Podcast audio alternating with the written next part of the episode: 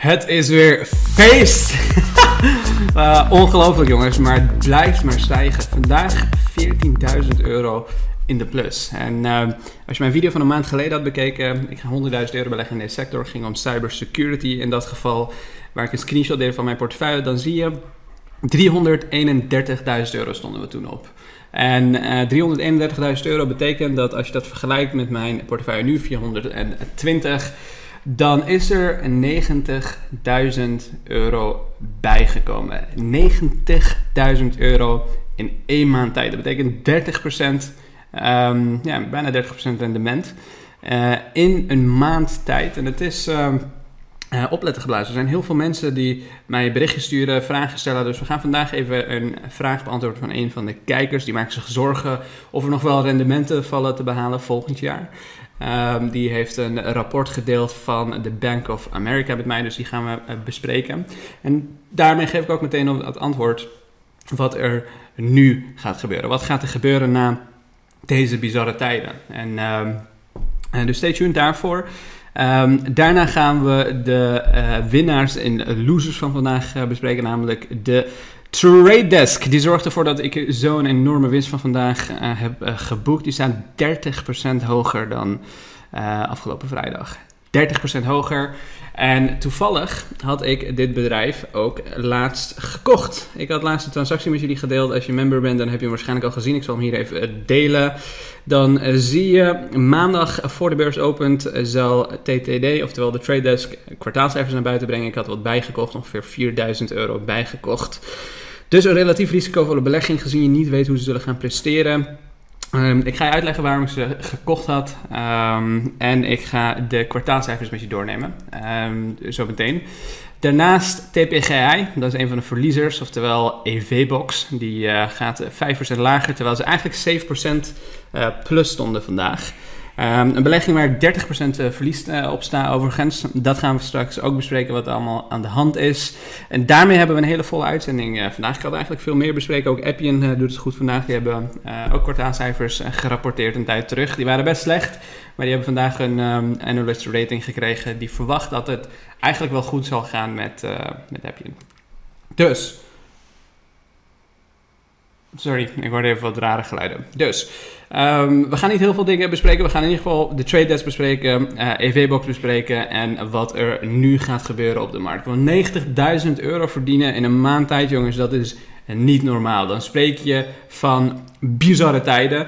En bizarre tijden zijn het ook daadwerkelijk geweest. Want de afgelopen, uh, het afgelopen paar uh, maanden is de techsector heeft best wel een flinke klap gekregen. Vandaar dat mijn portefeuille rond de 330k aan het schommelen was. Maar de afgelopen maand hebben al die bedrijven kwartaalcijfers gerapporteerd. En die kwartaalcijfers zijn belachelijk goed gegaan. Dus dat gaan we bespreken. Um, laten we even kijken naar een vraag van de kijker. Uh, Jean-Paul, die stuurt mij een vraag. Die zegt, uh, beste Rabi, geen idee of je e-mails leest.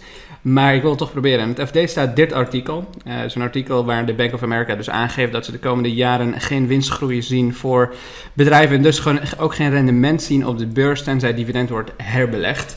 Hoe kijk je hier tegenaan en pas jij je strategie aan? uh, nu is grappig dat Jean-Paul mij dit uh, stuurt. Want in de community zie ik ook Johan, dus net een wat andere naam, die stelt me eigenlijk dezelfde vraag. Die zegt: uh, Het is oud nieuws, maar gezien de beursstanden nog actueel, ik vraag mij af hoe jij dit ziet, uh, Rabi. Je liet in je video's al een beetje doorschemeren dat je van plan bent om iets van tafel te nemen.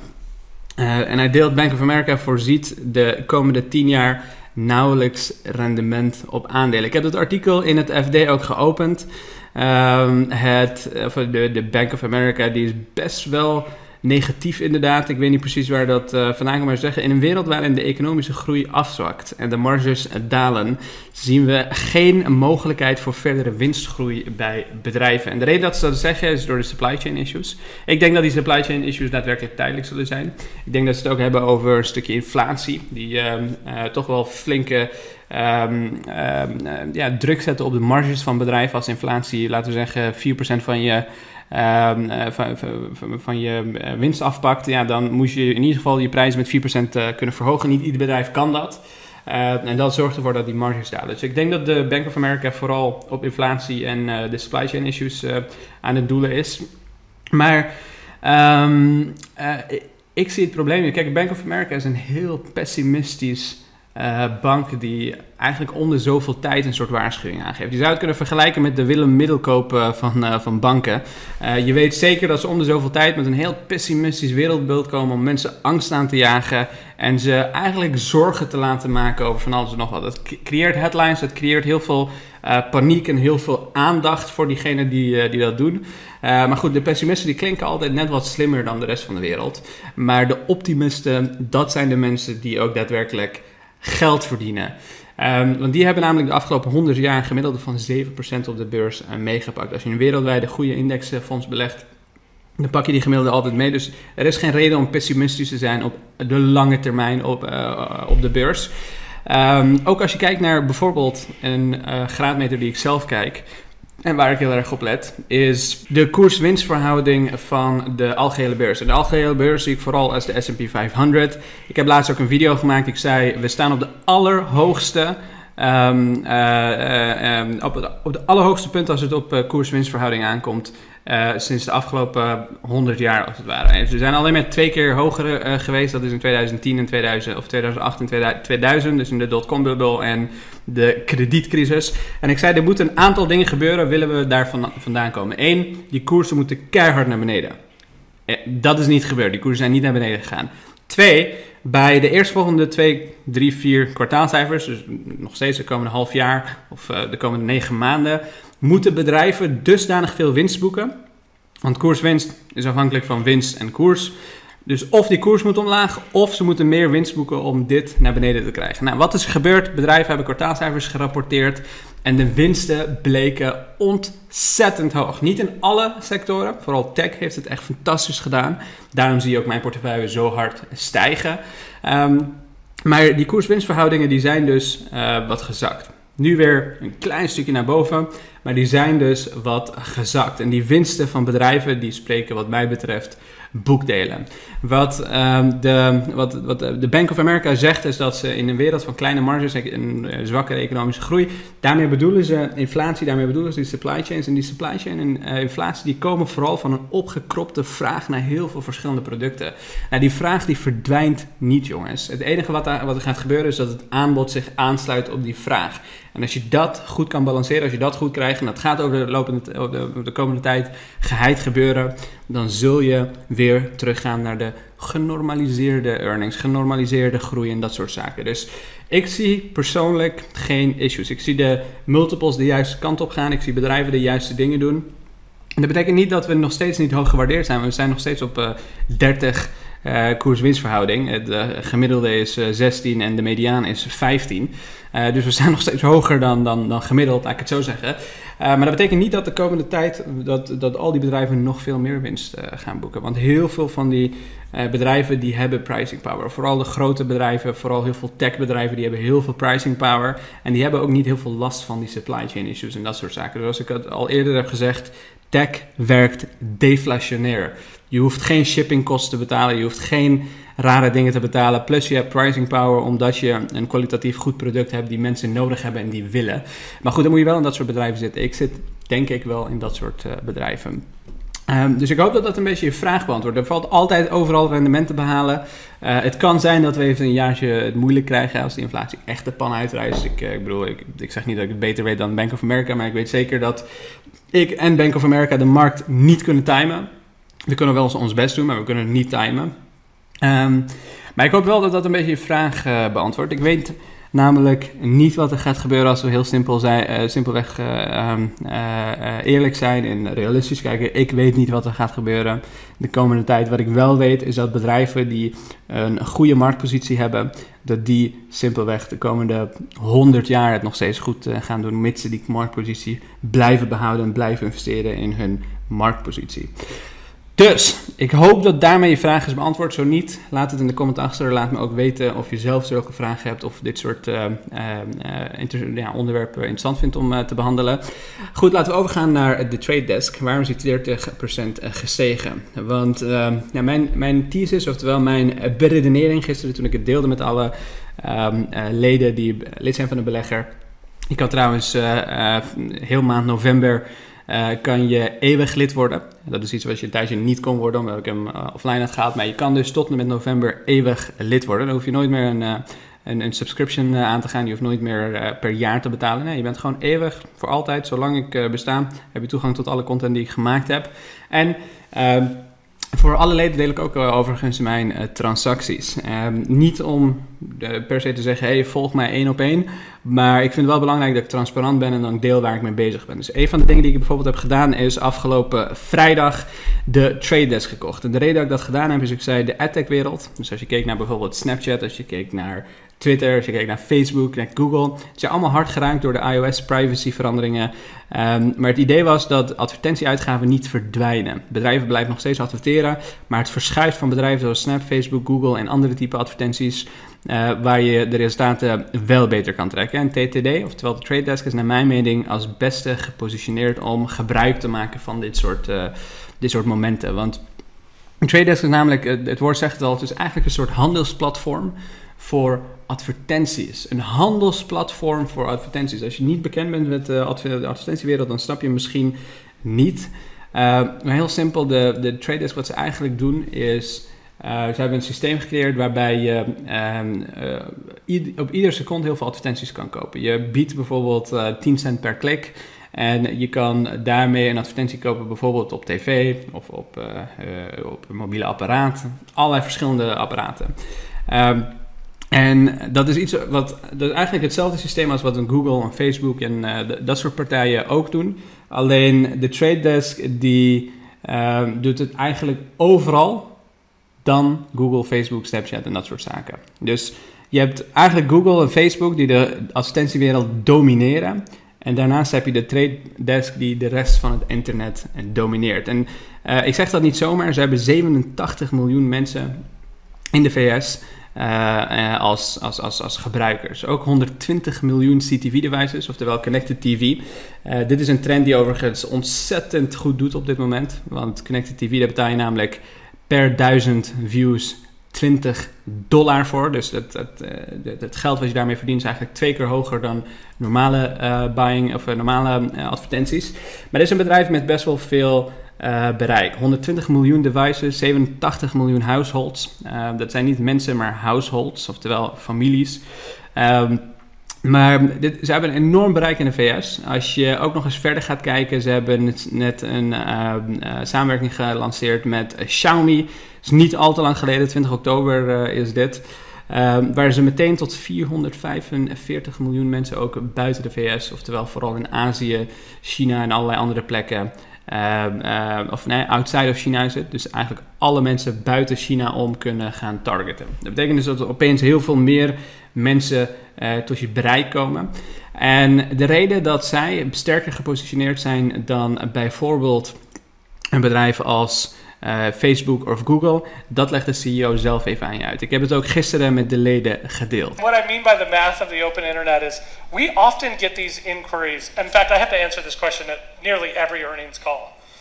Apple made this change, uh, or Google made this change, and it didn't seem to affect your business. Why not? And, and I've had that question every quarter for the four years we've been public because there's been at least one change every time. And it's often because uh, uh, somebody like Facebook or Twitter or whatever reacts to those changes that Apple or somebody else makes, and they and, and they were hurt by it. Why was the trade desk not hurt by it? So let, us just say ballpark. There's 10 million ads available every single second on the open internet. Our job at the trade desk, because we've focused on the buy side, is to look at those 10 million and figure out which 975 to buy for Home Depot or for a soda company or pick any of the Fortune 500 brands that we represent, which is most of them.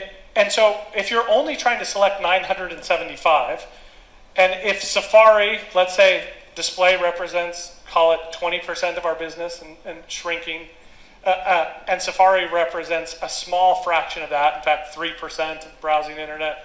So you basically take away 1%, you take our 10 million and move it to 9.9. All I'm trying to do is figure out which of the 975 to buy. But I'm still selecting roughly the exact Goed, ik denk dat het duidelijk is wat hij zegt. Ehm, wat de Trade Desk eigenlijk doet, is die zorgt ervoor dat je een stukje AI, zie je hier, de platforms AI engine COA then uses these goals to guide and optimize media spend. Een advertentie of een, een, een, een, uh, vaak een advertentiebureau die werkt samen met de Trade Desks uh, AI en die zegt ons doel is om voor Target of voor um, een bedrijf als Coca-Cola de beste advertentieplekken te vinden voor deze content of deze video wat we hebben gemaakt. Nou, die vult dat in het uh, systeem. En het systeem die gaat het bieden, die gaat de, beste plekken ervoor zoeken. Of dat nou een Safari is, of op uh, een iOS-device, of op een Android-device. Of, uh, het maakt niet uit waar het is. Maakt niet uit waar het is. Zodra, er een plek uh, beschikbaar is en Koa zegt... Hey, hier kan ik het beste aan de juiste persoon laten zien op basis van een aantal karakteristieken van diegene. Bijvoorbeeld diegene vindt het interessant om, of die, diegene die drinkt heel veel cola, die is geïnteresseerd in cola, die is geïnteresseerd in een bepaald soort drankjes of zo. Um, dat systeem zorgt ervoor dat hij het aan de beste persoon laat zien. Omdat ze zo breed gediversifieerd zijn en heel veel verschillende plekken beschikbaar zijn dan bijvoorbeeld alleen Snapchat, die alleen mobiel beschikbaar is en alleen op een eigen platform, die worden veel harder geraakt. Facebook wordt veel harder geraakt. Terwijl um, de Trade Desk die kan het eigenlijk aan ieder bedrijf of iedere persoon laten zien, overal. Uh, maakt niet uit in welke website of welke uh, device of whatever ze zitten. Dus um, de Trade Desk die wordt gewoon simpelweg minder hard geraakt. En dat zie je ook in de cijfers terug. 39% groei. Vorig jaar dachten mensen dat uh, na COVID dat het een van de beste tijden was voor de Trade Desk. Toen waren ze 32% gegroeid. Nu zijn ze 39% gegroeid. 301 miljoen. Uh, analisten die hadden flink wat minder verwacht. Ook EPS is veel hoger uitgekomen. 0,18. Analisten hadden 0,15 verwacht. Um, Adjusted EBITDA van 122 miljoen. Dat is bijna nou, meer dan een derde van hun omzet is.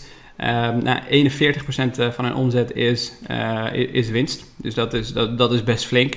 Uh, of niet winst, maar adjusted EBITDA. net income is de winst, dus 89 miljoen is de daadwerkelijke winst. Um, maar uh, dat laat zien hoe winstgevend een bedrijf als de Trade Desk daadwerkelijk ook is. De groei die zit er enorm in en het accelereert ook nog eens. Voor, de komende, uh, voor het komend jaar, of uh, voor het komend kwartaal, verwachten ze een winst van ongeveer 388 miljoen. Ik denk dat dat redelijk conservatief is. Ik denk dat het waarschijnlijk rond de 400 miljoen gaat zijn. ook adjusted EBITDA zal waarschijnlijk wat, wat hoger zijn dan, dan dat. Um, en als je kijkt naar bijvoorbeeld wat ze tot nu toe hebben, is um, tot uh, het afgelopen kwartaal is ongeveer 800 miljoen aan omzet. Dat zal waarschijnlijk richting de 1,2 miljard liggen voor dit jaar. 1,2 miljard. Dat is ver hoger dan wat elke analist dan ook uh, verwacht. Ook hun um, uh, EPS die zal veel hoger liggen dan verwacht. Je moet wel opletten dat dit een bedrijf is in een groeifase, dus ze keren nog steeds redelijk wat aandelen uit om goed talent aan te trekken. Um, maar dit is wel een bedrijf die gestaag blijft groeien. En die groei die blijven ze ook vasthouden. En ze zijn als een van de beste gepositioneerd, naar mijn mening, om de komende jaren nog te blijven groeien. Ik heb ze ook voor de lange termijn. Um, ik heb, ik, dit was wel een korte trade wat ik in dit geval had gedaan. Dat doe ik soms. Maar de uh, initiële investering die blijf ik natuurlijk altijd houden. Ik heb hier ook um, uh, twee video's over gemaakt vorig jaar. Dus als je echt uh, benieuwd bent naar het businessmodel en hoe ze werken en dat soort zaken, check even mijn oude video's over de Trade Desk terug. Die kan je terug bekijken. Ehm, inmiddels zijn die ook best wel veel bekeken. Dus als je hem nog niet gezien hebt, ga hem checken. We hoeven het niet verder over de traders, uh, denk ik, te hebben. het is een bedrijf die blijft groeien, die blijft de juiste dingen doen. En daarmee is het ook vandaag een enorme winnaar in mijn portefeuille. Um, anderzijds, TPGI, oftewel uh, eh, EV-box, inmiddels wat minder hard uh, gedaald. 3,8%, bijna 4% is het uh, gedaald. Um, zij, voor de mensen die volledig nieuw zijn, ik heb hier ook een aantal keer een update over gegeven. Met TPGI is een spec, die moet mergen met EV-box. naar mijn mening een van de beste EV-bedrijven, EV-laagpaalfabrikanten ter wereld. Die ook nog eens de meeste EV-plaatsen uh, in Europa heeft. Ik geloof wereldwijd zelfs 300.000 plekken. Heeft de vergelijking, Shell is blij met 80 uh, stuks. um, maar goed, dan moet die merger wel doorgaan. En ehm, de reden dat ze vandaag zo hard dalen, want ze stonden keihard in de plus. Ze stonden iets van 7% in de plus op een gegeven moment. Ehm, alle andere EV-bedrijven die doen het trouwens fantastisch. de, door de infrastructure bill van de VS, die staan geloof ik allemaal een stuk of 10% hoger dan, dan nu. Dus eigenlijk is het een hele slechte belegging geweest voor mij. 30% verlies sta ik ermee. En wat eigenlijk gebeurd is, is vorig jaar heeft, niet vorig jaar, maar vorig kwartaal heeft EVBox een, of TPGI een audit of een uh, SEC-filing gedaan waarbij ze zeiden: als het EV-bok niet lukt om voor 22 oktober hun cijfers aan te leveren, want dat is het probleem hier, die, die, die, die merger kan, kan niet doorgaan als die cijfers natuurlijk niet kloppen, de cijfers van 2019, maar ook van 2020 dan um, moeten ze helaas een extra boete krijgen van ongeveer 3 miljoen. Dat betekent dus dat als uh, Engie, dat is de verkoper, dat is eigenaar van uh, ehm, eh, EVBox, die ook nog eens na de beursgang 40% van het bedrijf bezit. Ehm, als die uit de agreement stappen, dan zullen ze 15 miljoen aan boete krijgen. Nou, wat hebben ze nu bevestigd vandaag? Dit is een andere, dus dit is een nieuwe SEC-filing. Daarin zeggen ze inderdaad 15 miljoen boete, want ze hebben die resultaten niet, niet geleverd. En ja, dan zit je met de gebakken peren, jongens. Als je wilt dat die merger gebeurt en het gebeurt niet, dan worden beleggers boos. Die worden kwaad, die verkopen het aandeel en het aandeel keldert kei en keihard naar beneden. Maar goed, wat je daarmee uh, doet eigenlijk is een laag mensen die wat ongeduldig zijn, die wat minder ervaring hebben en die misschien denken van, nou, ik heb het wel gezien, ik ga wel ergens anders in uh, investeren, want het is zo'n slechte investering geweest, die raak je kwijt. Ik ga hem zelf niet verkopen. En de reden is, ik, ik, ik ga vaak voor bedrijven waar ik echt in geloof, echt door het stof. Al, uh, al gaan ze helemaal naar beneden. Als ik geloof dat het een goed bedrijf is, dan uh, heb ik gewoon simpelweg geduld. En ik denk dat EVBox waarschijnlijk een van de beste bedrijven is om, uh, om te gaan kopen.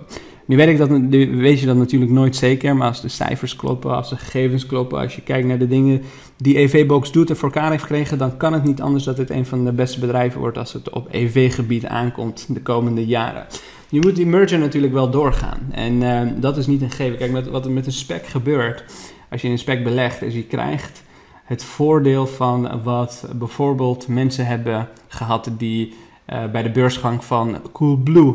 Uh, iedereen wilde Coolblue bezitten omdat ze de beurs op gingen, maar er waren maar een select aantal mensen die in Coolblue konden, konden investeren voordat ze de beurs op konden. En dat zijn vaak grote, vermogende privé-investeerders met heel veel geld. Nou, bij een spec krijg je als het ware de mogelijkheid om in Coolblue te investeren zonder dat ze eerst de beurs op zijn gegaan. En dat is wat je in dit geval doet. Net als in het geval van Coolblue kan die beursgang dus ook daadwerkelijk niet doorgaan. En dan zit je ook als investeerder in Coolblue met die aandelen die dan niet de beurs op zijn gegaan. die blijven wel waarschijnlijk dezelfde waarde als dat ze ervoor waren. En uh, dat is nooit fijn. Hè? Dat is nooit, dat is eigenlijk, ja, voor ongeduldige beleggers is dat nooit fijn. En ik ga wachten tot op zijn minst in het nieuwe jaar om te zien of dit bedrijf ook daadwerkelijk gaat mergen of niet. Um, ik hoop dat dat wel gebeurt. Mocht dat niet gebeuren, dan ga ik hem verkopen met alle gevolgen van die. Namelijk een flinke verlies van uh, ruwweg zo'n uh, 4.000, 5.000 euro. Uh, heel vervelend, maar goed, dat hoort ook bij beleggen, jongens. Het is heel moeilijk, bijna onmogelijk om consistent um, gelijk te krijgen op de beurs. En daar, daarom is het ook moeilijk om hele goede rendement te, halen, uh, te behalen. Nou, ik heb best wel vaak gelijk, gelukkig. Anders zou ik dit ook niet op deze manier blijven doen. Dan zou ik gewoon een indexfonds kopen. Maar in dit geval zal ik dan ongelijk krijgen. En die ongelijk betekent dus ook het verkopen van TPGI uiteindelijk. Maar ik ga wachten. Ik blijf geduldig. Ik heb niets te verliezen. Behalve dan een paar duizend euro in dit geval. Um, maar als die EV-box merger doorgaat, dan heb ik wel een geweldig bedrijf die ik heel graag wilde bezitten. Um, ik heb die risico bewust genomen, want inderdaad, bij specs, net als bij iedere IPO, kan het niet doorgaan. Net als dat Coolblue niet doorging, net als dat WeWork niet doorging. Uh, en dat is vervelend voor de belegger.